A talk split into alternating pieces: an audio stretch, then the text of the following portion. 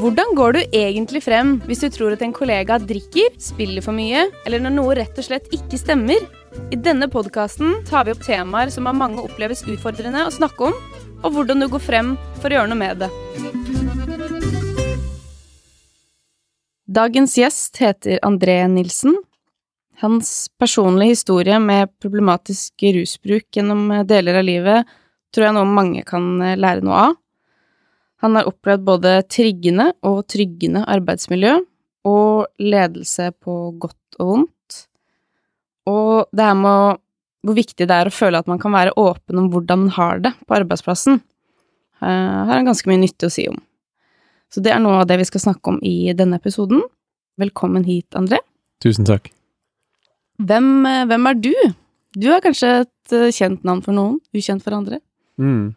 Ja, hvem er jeg? Altså, jeg heter André Nilsen. Jeg er 34 år gammel fra Bergen. Jeg har, eh, jeg har et engasjement på rusfeltet, da. Eh, både i form av at jeg er styreleder og ansatt i en brukerorganisasjon som heter Normal Norge, som er en brukerorganisasjon for cannabisbrukere. Og så har jeg da ruserfaring, som det heter så fint, som du nettopp ja, ga en liten intro på. Og uh, dette med ruspolitikk er, er noe som uh, engasjerer meg mye. Og til daglig så jobber jeg i uh, et tiltak der jeg jobber som noe som heter IPS jobbspesialist, der jeg hjelper personer med å finne arbeid. Og bare sånn for ryddighetens skyld så representerer jeg verken Jeg representerer ingen av arbeidsgiverne mine her i dag, da. Jeg er som privatperson fordi at jeg, jeg har et veldig sterkt engasjement rundt arbeidsliv og ledelse også, og jeg tenker at det er spesielt ledelsesaspektet er noe som påvirker de ansatte, åpenbart, også personer som kanskje er sårbare for å utvikle rusavhengighet eller rusproblemer. Og så har jeg da, som du òg nevnte, noen erfaringer med hvordan ulike arbeidsmiljø opp igjennom har påvirket meg.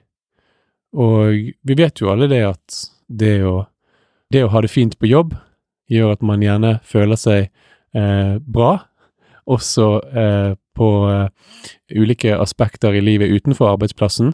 Og så gjelder det motsatte også, at hvis man ikke har det bra på jobb, så kan det jo smitte over på andre områder i livet. Så mm. jeg syns det er en viktig eh, samtale å ha, og et fokus å ha. Og så eh, er jo dette eh, Snakker vi nå om dette innenfor temaet liksom rusproblemer og rusavhengighet, og kanskje hvordan man kan forebygge sånt på arbeidsplassen. Mm. Hvis vi går litt tilbake i tid, da, var det i starten av 20-åra, mm. um, hvor du slet litt i mm. livet? Ja. Ja, jeg, jeg hadde Jeg har studert uh, på BI, markedsføringsledelse, og uh, du kan jo si at jeg personlig da har liksom alltid hatt kanskje opp gjennom litt sånn utforskende og søkende tendenser i ulike retninger, og rusmiddeluniverset var liksom ikke noe unntak der. Jeg ble kanskje særlig opptatt av og nysgjerrig på ulike rusmidler. Og uh, det er jo noe veldig mange er, i den alderen også, sant? at man prøver ting og uh, gjør seg noen erfaringer. Men så kan du si det at jeg var nok mer sårbar enn andre for å utvikle avhengighet. Og i kombinasjon med det ja, jeg ser tilbake, så var det nok kanskje det at jeg gikk gjennom et samlivsbrudd som var en uh, medvirkende faktor til at min bruk gikk over til å bli problematisk, og at jeg ble avhengig. Mm. Og um, det var vel noe som kom av at jeg begynte å føle på en økende grad av Jeg har liksom alltid hatt litt tilbakeværende angst og depresjon opp igjennom, sin, helt siden jeg var liten. Og det var kanskje det at jeg oppdaget at enkelte rusmidler, spesielt beroligende medikamenter, øh, kunne dempe de følelsene som gjorde at jeg var særlig sårbar for å bli avhengig. Men øh, du kan si det at når jeg begynte å liksom utforske hvordan det kunne ta bort angsten, det å bruke benzodiazepiner, som valium for eksempel, så følte jeg lenge på at jeg fungerte veldig godt. At jeg hadde funnet min life hack. Mm. Jeg følte jeg var med meg sjøl, den jeg ønsket å være. André uten angst og bekymring og depresjon. Jeg følte egentlig lenge at det, det var på en måte et, et verktøy som jeg trengte å ha. For å fungere i hverdagen, eller? Ja, I hvert fall ja. optimalt. Mm. For da var du student og begynte etter hvert å jobbe litt ved siden av, var det sånn? Ja, jeg hadde jobbet deltid i et uh, finansforetak. Gjorde det ganske bra der, var glad i salg og gjorde det ganske Ja, det, det meg mye mestring der, da. Og dette var før jeg begynte å liksom utvikle avhengighet. Uh, men i kombinasjon med liksom samlivsbrudd og ting som skjedde i livet, så smittet kanskje en, en sånn lavere selvfølelse og selvtillit over på jobben. Så det ble vanskeligere å gjøre jobben. Og um, når man jobber i salg som er sånn typisk sånn prestasjonspreget arbeid, og det ikke går bra, så kan det være veldig tungt. Mm. Og hvert fall når, når du føler du faller fra en høyde der du var liksom en av de beste, og så, og så plutselig er du ikke det Mm. over lengre tid. Og det får jo også økonomiske konsekvenser fordi at du får ikke lenger den samme provisjonen, samme lønnen som du har hatt, som du er vant til. Mm. Så det var nok flere, flere aspekter som spilte inn samtidig der, da. Og så blir det litt selvforsterkende. Når du har litt lavere selvfølelse, og så går du på jobb, og så får du enda mindre, enda, Mm. enda dårligere selvfølelse og selvtillit, Mm. så smitter det over igjen på andre ting i livet. Og så det var nok en litt sånn selvforsterkende spiral der, som spilte inn. Og uh, uten å ta hele historien, da, så kan du si at etter en stund så hadde jeg utviklet et ganske alvorlig uh, rusproblem og avhengighet. Og uh, sykemeldte meg til slutt fra jobb og søkte behandling Mm. på egen hånd, og det er jeg glad for at jeg gjorde. Jeg hadde underveis i denne tiden, mens jeg var sykemeldt, kontakt med en leder på arbeidsplassen som jeg opplevde som støttende og tryggende. Jeg følte ikke noe press fra arbeidsgiver til å skynde meg å bli frisk for å liksom få beholde jobben. For da var du åpen med den lederen om I hvert fall at jeg var sykemeldt. mm. Det, det, var jo, det, var jo, det var jo jeg jo. Mm. Men jeg hadde ikke oppgitt hvilken grunn, da. Nei. Men så viste det seg det at etter, en, eh, etter at um, jeg hadde vært sykemeldt noen uker, så bestemte jeg meg for å være åpen om um, om at jeg hadde et rusproblem med lederen min. Det var ikke noe han liksom tvang meg til å gjøre eller presset på. Det var noe jeg følte sjøl at jeg kunne prate med han om, Mm. fordi jeg hadde tillit til han. Og den Ja, han Vi hadde en relasjon da, der jeg følte at tillit og åpenhet var viktig. For det er jo ikke gitt i det hele tatt at, Nei, eh, at det er sånn. Nei, når jeg ser tilbake, så, så tenker jeg på at det var veldig viktig for meg. Og um, setter veldig pris på at det var sånn, da. Og satte det pris på det da. Så jeg bestemte meg for å si til han at jeg hadde et rusproblem, og da fortalte han meg at han nylig hadde blitt eh, eh, tipset av en ansatt om at jeg var, jeg var blitt observert et sted der jeg kjøpte noe illegale rusmidler. da. Og han var veldig glad for at jeg hadde fortalt han om dette, på eget initiativ. Mm. Jeg vet jo ikke jeg, jeg vet jo ikke liksom hva slags konsekvenser det ville fått um, hvis jeg uh, ikke hadde sagt noe, og at han måtte på en måte tatt det opp med meg, at jeg var Mm. blitt observert sånn og sånn. Men, uh, men utfallet av den situasjonen, av at jeg følte jeg kunne snakke med han, var, følte jeg var et bra et, da. Mm. For nå hadde vi en åpen og ærlig dialog om hva som faktisk var problemet, og Ja, for hva ble du møtt med da du var åpen om grunnen? egentlig støtte og omsorg, opplevde jeg. Mm.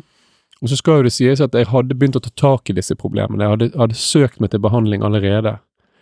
Så arbeidsgiver sin rolle var ja å på en måte eh, undersøke hvor lenge jeg kom til å være sykemeldt, for eksempel. Mm. Men som sagt, jeg opplevde aldri noe press om å komme tilbake igjen. Mm. Jeg opplevde at jeg skulle ta den tiden jeg trengte. Ja. Ja. Så du kan si det at jeg følte i hvert fall at, at eh, forholdet på arbeidsplassen var, en, var, var støttende. Mm. Som gjorde at jeg kunne bruke ressurser og tid på min behandling. Mm. At ikke arbeidsgiver representerte en annen kilde til stress Mm. Og press, for eksempel. Ja, ja. Ja. Så eh, Nei, jeg, jeg syns det ble håndtert på en veldig fin måte. Og så skjønner jeg at ikke alle føler de kan være åpne på den måten som jeg følte. Mm. Men jeg tror nok at det, det er noe som uh, mange ledere sjøl kan påvirke. Hvis de genuint eh, bryr seg om de Mm. ansatte. handler mye om hva slags kultur man, man forsøker å få å ha på jobben, da. Hvor da ledere går i, i front og kan på ulike måter påvirke det. Mm. Ja, for jeg har jo hatt eh, Jeg har hatt andre arbeidsgivere der forholdet på arbeidsplassen har vært medvirkende til at min rusbruk har eskalert. Mm. Og det, og, og, det de, de arbeidsgiverne har hatt til felles, det er jo gjerne det at det har vært eh, ganske høyt tempo på jobb. Små bedrifter har det vært med på en måte en le leder som også fungerer som en HR-avdeling, Mm.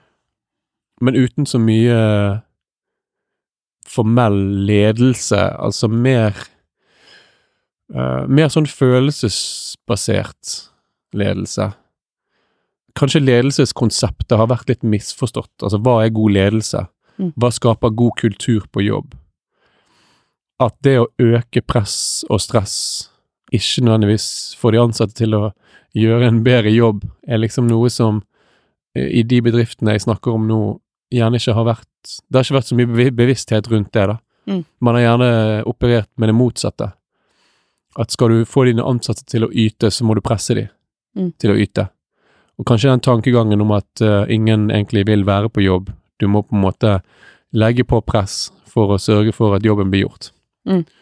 Mens i realiteten så kan det bare øke stress og gjøre at både prestasjoner på jobb blir dårligere, motivasjonen faller, og det kan også påvirke selvfølelsen til de ansatte i den grad av at hvis man er i en, en, en sårbar periode, eller er eh, innenfor en risiko for å utvikle et rusproblem, at det kan på en måte være med på å gi et dytt i den gale retningen. Mm. Og det har jeg absolutt opplevd. Og um, når jeg har sett tilbake på det, så har, så har den typen arbeidsplass det har føltes veldig personlig, det har føltes veldig Man føler at man blir behandlet på en dårlig måte. Men når jeg ser tilbake på det, så, så tenker jeg at det, det, var, det var manglende ledelsesbevissthet på, den, på de arbeidsplassene. Mm. Ja. Ja, du nevnte noe med det med at eh, selv om man er en god selger, da, la oss si, så betyr ikke det at man er eh, en god leder. Altså sånn, selv om du da kanskje går opp i rang, så Mm. det er kanskje noe som mangler, da. Selv om du, det er kjempegod jobben din der, men ledelse er jo noe eget. Det er et eget fag. det er et eget fag, og ja, det, det handler litt om at fordi at du vet hvordan, hvordan en jobb skal gjøres, la oss si du har gründet en bedrift fordi du er en god selger, så betyr ikke det at du er Det betyr ikke automatisk at du er en god leder. Det betyr ikke automatisk at du er en god motivator. Og det betyr ikke automatisk at du er god på å lære fra deg faget ditt, Mm. som kanskje er salg eller noe annet. Mm. Um, det, det har vel gjerne vært uh, kanskje uh, fellestrekkene der jeg har vært. At det har vært ledere i posisjoner som ikke nødvendigvis har lederkompetanse, Mm. men som er dyktige på andre ting i, som jobben krever. Mm. Ikke nødvendigvis dyktig på dette med å liksom drive relasjonsbygging og motivere ansatte. Mm. Hvis vi går litt tilbake igjen til historien din. Du, du gikk til behandling selv. Mm. Hvordan på en måte gikk veien videre etter det?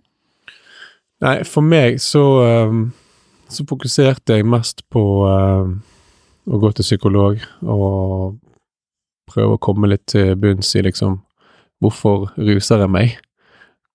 Hva, hva er det tomrommet i meg som jeg prøver å fylle? Og for meg så var jo det ehm, egentlig ehm, Ja, du, du, kan, du kan si det at jeg fokuserte jo litt på hvordan det var på arbeidsplassen jeg var da, for selv om jeg opplevde at jeg ble trygget og at det var en god leder i, som ivaretok meg, så skjønte jeg nok fort det at det å jobbe innenfor finans kanskje ikke var for meg, at det gjerne ikke var noe jeg brant for, eller ønsket å jobbe med resten av livet. Og jeg tror nok jeg er litt sånn person at hvis jeg ikke på en måte 100% brenner for det jeg gjør på, så, så, er ikke, så er ikke det veldig lett å motivere seg alltid. Mm.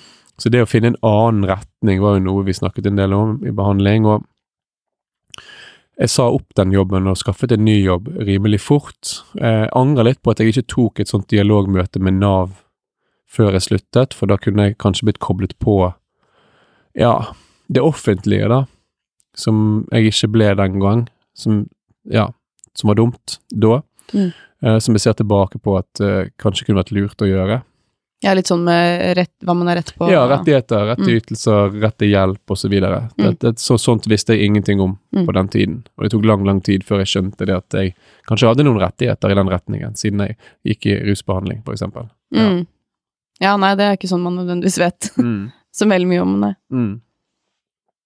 Og så kan du si det at de andre arbeidsgiverne som jeg har nevnt nå, som på en måte ikke var optimale arbeidsplasser å være i, det, det var de to jobbene jeg tok etter dette, da. Så det gikk litt slag i slag med meg, og eh, etter jeg sluttet i finansjobben og tok en ny jobb som ikke gikk bra fordi at ting rett og slett ikke var på plass i den bedriften som burde være på plass, og så noen måneder seinere så tar jeg en ny jobb der det samme er tilfellet, Mm. Som jeg selvfølgelig i dag kan ta litt selvkritikk på at jeg kanskje var litt for impulsiv med å takke ja til de jobbene og gå i den retningen og håpe på at ting var bedre. Mm. Men jeg husker det at øh, jeg satt, satt tilbake Jeg satt igjen da etter de to dårlige erfaringene med eh, en manglende tro på at jeg hadde en plass i arbeidslivet. Mm. For det gikk såpass tungt inn på meg at de jobbene ikke gikk som jeg håpet. Mm. At, at, at det var steder For jeg endte opp med å si opp eh, begge gangene. Mm. Um, Så du Men- følte etter hvert at det var deg, deg det var noe med? ja. Og, og den følelsen satt det med lenge. Og gjerne ikke bare det at det var meg det var noe med, fordi at jeg mistet liksom aldri Jeg mistet aldri troen på at jeg har ressurser og egenskaper, og at de kan få eh, sitt eh, At de kan blomstre andre steder. Men det var bare motivasjonen for å gidde å prøve igjen. Og ta Mm. den sjansen. Det var det som var, kanskje var mest til hinder for at jeg kom meg i arbeid. Mm. Så jeg var jo sykemeldt lenge etter den andre jobben. Det var jeg. Rett og slett fordi at motivasjonen min, den var bare så lav. Jeg var deprimert lenge og Mm. ja. Og etter du da hadde vært sykemeldt en stund, og motivasjonen var lav, hvor, hvor fant du igjen da en slags motivasjon eller en hjelp, eller Mm. Nei, jeg begynte jo å gå til psykolog igjen, da. Ikke rusbehandling denne gangen, da, fordi at jeg ble Kan si jeg ble kvitt rusproblemene mine. Mm. Men når du slutter å Ja, når du slutter å dekke over vonde følelser med rusmidler, og du har gjort det lenge, så sitter du gjerne igjen da med de følelsene. De, de kommer til overflaten igjen. mm, Og det er liksom Det er da jobben begynner, egentlig. mm, Altså, det var et slit å bli kvitt de rusproblemene. Spesielt benzoavhengighet er skikkelig vanskelig å komme seg ut av for noen, Mm. og jeg var nok en av de. Men jeg kom meg ut av det, og det er det ikke alle som gjør. Så um, Så jeg husker jeg satt igjen med liksom mye tomhet, mye spørsmål om hvem er jeg uten disse pillene mine. mm, Og, eh, og hvor går veien nå, liksom? Og hva, hva skal jeg gjøre med angsten nå? For det kommer jo alltid vonde følelser igjen. Det å oppleve perioder med vanskelige følelser og tanker er jo noe alle opplever mm, i ulik grad, og det er jo liksom hvordan man forholder seg til de som på en måte spiller, spiller en rolle, da, kan du si. Eller som gir eh, ulike, form, ulike utfall, da. Mm. Sant? Så det å finne en ny måte å leve på, rett og slett, er jo noe som jeg fortsatt i dag liksom sitter og ja, funderer på innimellom. Men det som, det som hjalp meg, var tiden, da, eh, og jeg trente fortsatt. Det gjorde jeg for så vidt omtrent hele tiden gjennom denne perioden, også den vanskelige. Og øh, også det å sakte, men sikkert begynne å liksom Ja, teste litt ut ting. Altså ikke rusmidler, men andre aktiviteter. Som for eksempel øh, Ja, det var det, kanskje da jeg ble litt sånn ruspolitisk engasjert, da. Mm. Fordi at i, i min Gjennom min prosess så hadde jeg sett og møtt vært i ulike situasjoner da, som for meg belyste det at det norske samfunn trenger en endring på nesten alle plan når det gjelder hvordan vi forholder oss til i hvert fall ulovlige rusmidler. Mm. Og eh, Så det å, det å bli litt engasjert, og det å, det å begynne som frivillig i organisasjonen som jeg i dag jobber i, det ga meg litt selvtillit da, og mestring. Og så eh, var jeg klar til slutt, da, etter et år, Mm. og begynne å jobbe igjen. Og søkte på jobber og hadde først et sånt mindre opphold et sted eh, gjennom noe Nav-tiltak eh, noen måneder, og så, så fikk jeg jobb i Nav, da. eh, noen måneder etter det igjen, i starten av 2020. Og, eh, og, og det kan jeg bare si, at um, det å begynne å jobbe der, det var, det var noe helt annet enn det jeg var vant til. Mm. Um, Hvordan da? det var, et, det var et trygt arbeidsmiljø. Det var gode kollegaer, og for så vidt gode kollegaer hadde jeg i de andre jobbene da. Det var et ledelsesproblem som var liksom symptomet, da. Uh, uh, og, og som var problemet, mener jeg, i, i, i de jobbene som jeg har nevnt som litt som negative erfaringer. Men ledelsen òg var inkluderende og ivaretagende. Altså, det, det ble lagt opp til god, god opplæring, oppfølging, veiledning og rom for å prate om ting. Mm. Og det, det var noe ledelsen tok initiativ til. Det var ikke noe jeg som ansatt måtte liksom tvinge gjennom. Det var mer um, Bordet var dekket for meg, da, og når Mm. bordet er dekket for deg, med åpenhet og inkludering, så er det mye lettere å prate om ting, og ikke bare det du trenger ikke engang å prate om ting, men bare vite at du kan det. Mm. Hvis du føler du trenger det. Det er trygt. Mm. Og det var nok fraværende i de andre jobbene som, der ting ikke gikk særlig bra. Og et Mm. par andre ting, selvfølgelig. Men, eh, men, men, men her, her ble forholdene lagt til rette for at ansatte skulle føle seg trygg på jobb. Mm. Og det opplevde jeg som utrolig motiverende. Så der hadde de klart å skape en sånn slags et trygt rom, da, hvor, hvor hvis det var et eller annet, så Ja, Om det var faglig, eller om det var noe personlig kanskje man gikk gjennom, så, ja. så følte man i hvert fall at uh, her er det trygt. Ja. Og, um, og det, det, gjorde, det, det gjorde så mye med både arbeidsmotivasjonen min og liksom gleden over å være på jobb var tilbake. Mm. Som jeg ikke hadde kjent på veldig lenge. Mm. Og, um, og det samme der jeg er nå, for jeg jobber ikke lenger i Nav. Jeg jobbet i Nav i, i to og et halvt år da, og uh, samme der jeg er nå, det er mye, mye det samme trygge rammene da, som jeg bare merker Jeg er jo litt sånn uh, introspektiv. Jeg, jeg jeg, er ganske god på Kanskje litt for god i perioder på å monitorere egne tanker og følelser.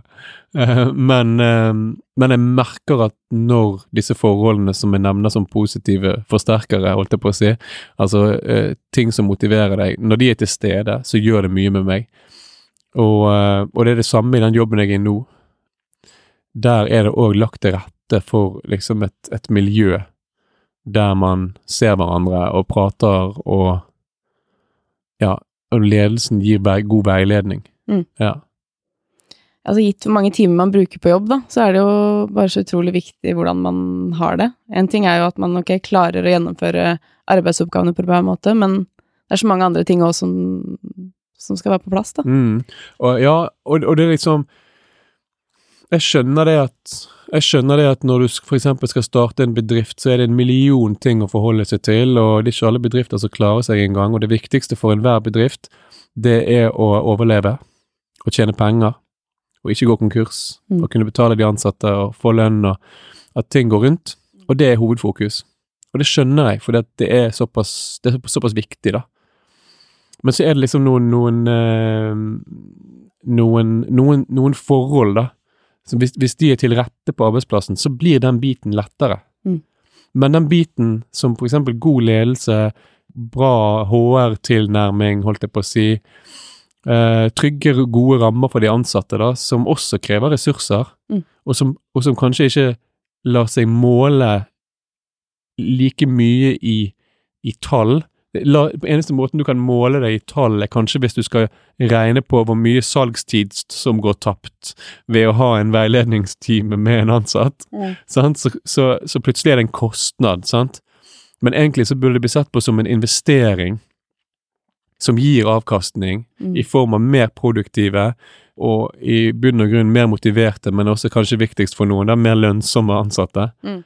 For det er de som trives på jobb og har det fint på jobb, de gjør en bedre jobb. Det er Mm. liksom det, det, er det forskningen viser.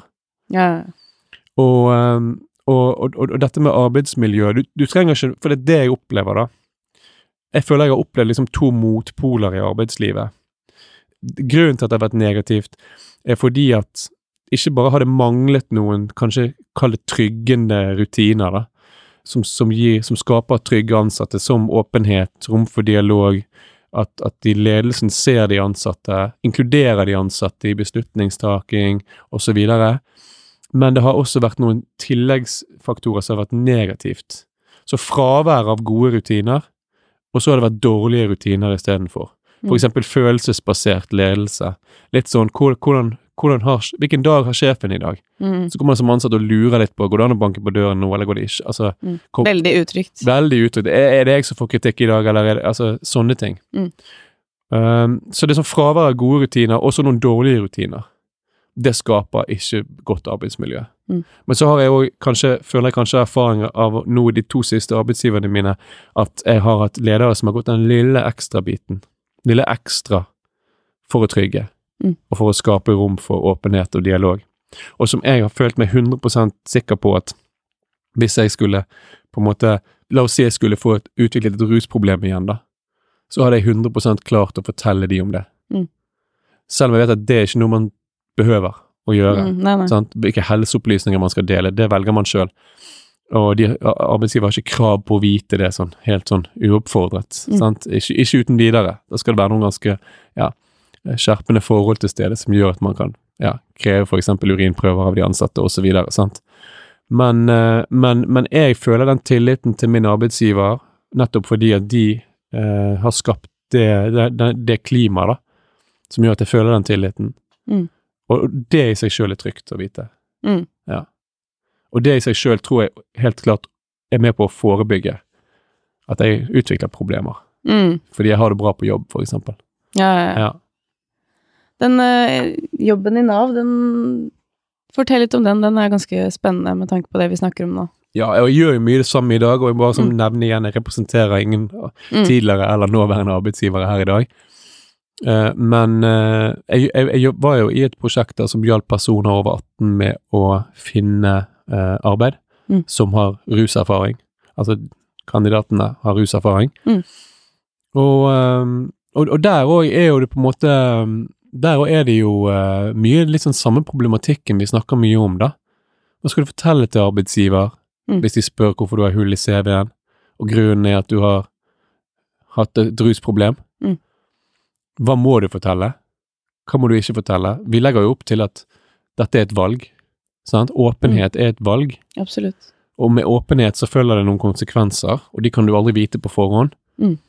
Åpenhet kan bidra til at du finner den arbeidsgiveren som er inkluderende, som ser deg som menneske og ikke bare din historikk, og som kan være trygg å jobbe hos. Men det kan òg føre til fordommer og stigma som gjør at du havner hos en arbeidsgiver som kun ser det problemet, og ikke deg som person. Mm. Og så kanskje er den arbeidsgiveren som rynker på nesen av sånt, ikke en arbeidsgiver du ønsker å være hos. Kanskje du ønsker å finne den, den arbeidsgiveren som faktisk sier her kan du være, ja, Mm. til tross for, holdt jeg på å si. Vi bryr oss ikke om sånt. Det Mm. viktigste er hvor er du nå, og hva skjer i fremtiden, liksom. Sant? Mm. Og, eh, og er med på å trygge og, og, og skape trygghet, da. Og så er det jo sånn at uh, dette her er jo et valg man må ta, sant. Dette med åpenhet. Hva skal man fortelle, og hva skal man ikke fortelle? Mm. Og det er vanskelig. Og, Ja. vi går aldri rundt og liksom uh, påvirker i ulike retninger fordi at det er et valg man må ta selv. Mm. Men å ha den samtalen om det er viktig, slik at man er bevisst på det, på hvilke ulike utfall det kan medføre, da. Mm. Og noen velger åpenhet, andre velger ikke. Mm. Og de har sine grunner for det. Har du kjent på noen fordommer? Jeg har jo kjent på fordommer ehm, i arbeidslivet Jeg var jo åpen sjøl når jeg eh, søkte på en av de eh, jobbene mine som jeg har snakket om nå, at jeg har hatt et rusproblem. Det har jeg for så vidt vært åpen om uh, i flere sammenhenger, eller i arbeidssøkende sammenhenger. Men, uh, men, jeg, men jeg følte det slo tilbake på meg etter, etter en periode da, hvor det var mye stress og press på jobb, som gjorde at jeg mistet nattesøvnen og eh, sleit med søvn en periode. Og så kom jeg på jobb og ble spurt av sjefen om jeg hadde begynt å ruse meg igjen. Og, og, og det, det husker jeg var et slag i trynet, for det var, da var det sånn so, det var sånn klart at det var forhold på arbeidsplassen som gjorde at jeg var stresset, Mm. og sleit med å sove. Og så ble liksom den første konklusjonen man hoppet til, var at Mm. jeg har begynt å ruse meg igjen. Ja.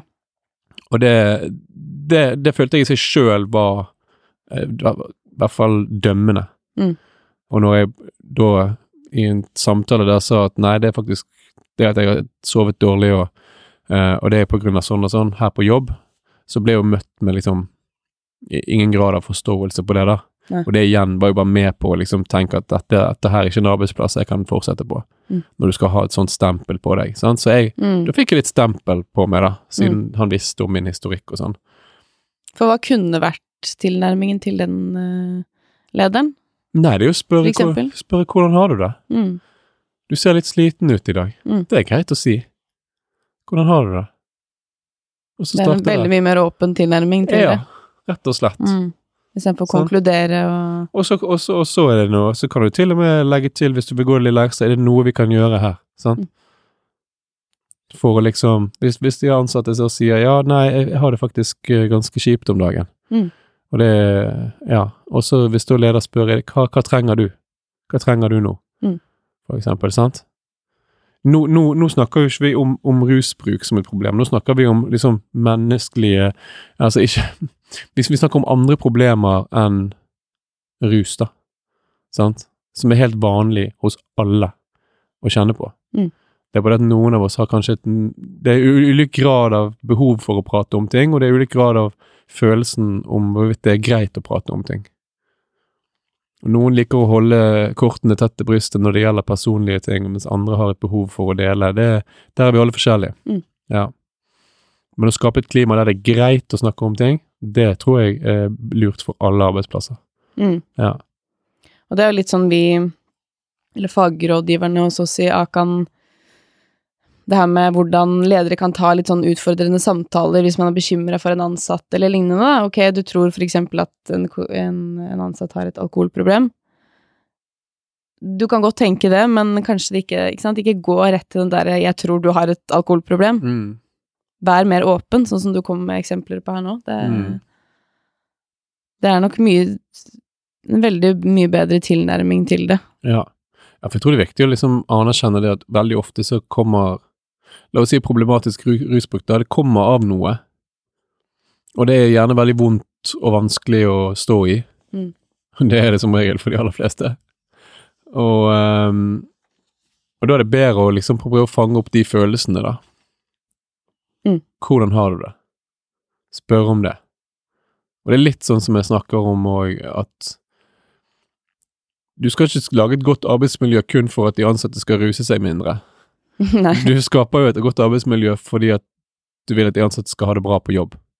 Og har de ansatte det bra på jobb, så vil nok det være, være en god En del av det rusforebyggende arbeidet, og kanskje den viktigste.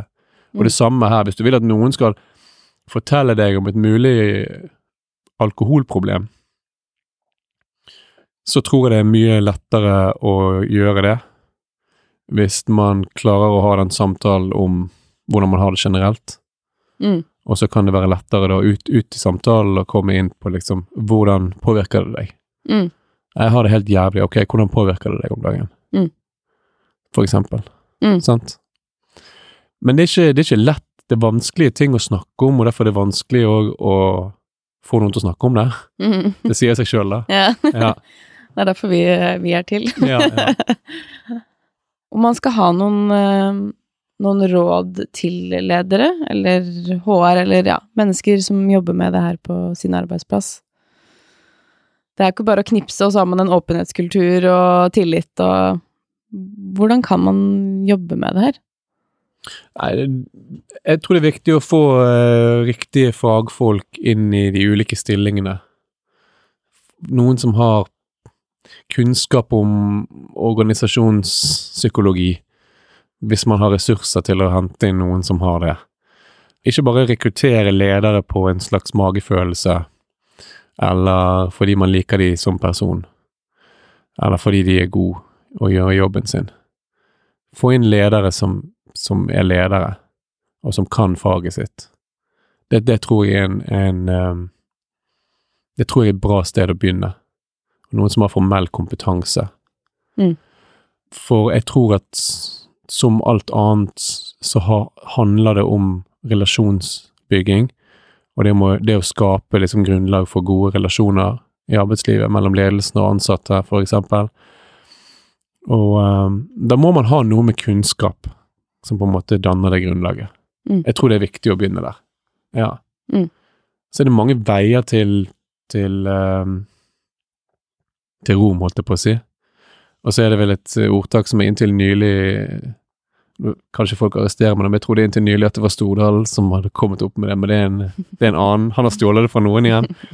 Men det er jo at altså, jeg tror det var det at kultur spiser ledelse til frokost. Altså Får du den gode kulturen, så er mye gjort. Mm. Det er så viktig. Mm. Skape en god kultur, og så sett deg inn i hvordan man faktisk gjør det. Mm. Ikke bare gjør det på magefølelsen. Noen har kanskje bedre intuisjon om det der enn andre, men ikke stol blindt på magefølelsen din. Det gjelder egentlig alt mulig.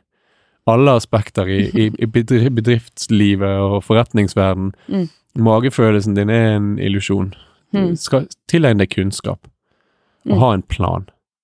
Og så prøve å måle liksom hvorvidt du er i du, du oppnår det du ønsker, da. Mm.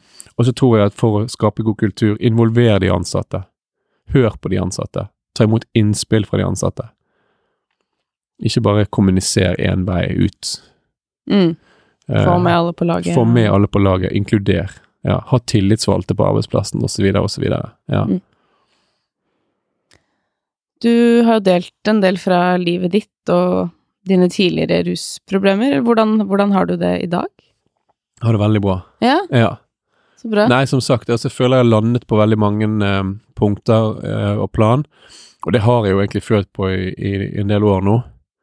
Sant? Men uh, man lærer så lenge man lever, og jeg har det veldig fint. Og spesielt uh, i jobbsammenheng så, så har jeg det veldig bra, fordi at jeg nylig sluttet i eh, den Nav-jobben og, og har begynt å jobbe et nytt sted, og Mm. jeg, jeg gruet meg litt til det. Uh, nytt arbeidsmiljø, hvordan blir det? Mm. Sant? Men så opplever jeg at det er like bra, om ikke bedre, holdt jeg på å si, enn enn det forrige. Så ja, jeg merker det at det å ha det fint på jobb, det er Det er veldig viktig for meg. Mm. Og så er det jo selvfølgelig gøy å kunne liksom gjøre det, dette òg, sant. Disse, disse tingene. Møte Akan og prate om denne problematikken og lufte mine refleksjoner, sånn at det, ja, kanskje kan berike, sant. Mm. Arbeidet Akan gjør, på en eller annen måte. Det tror jeg absolutt. eh, Ja.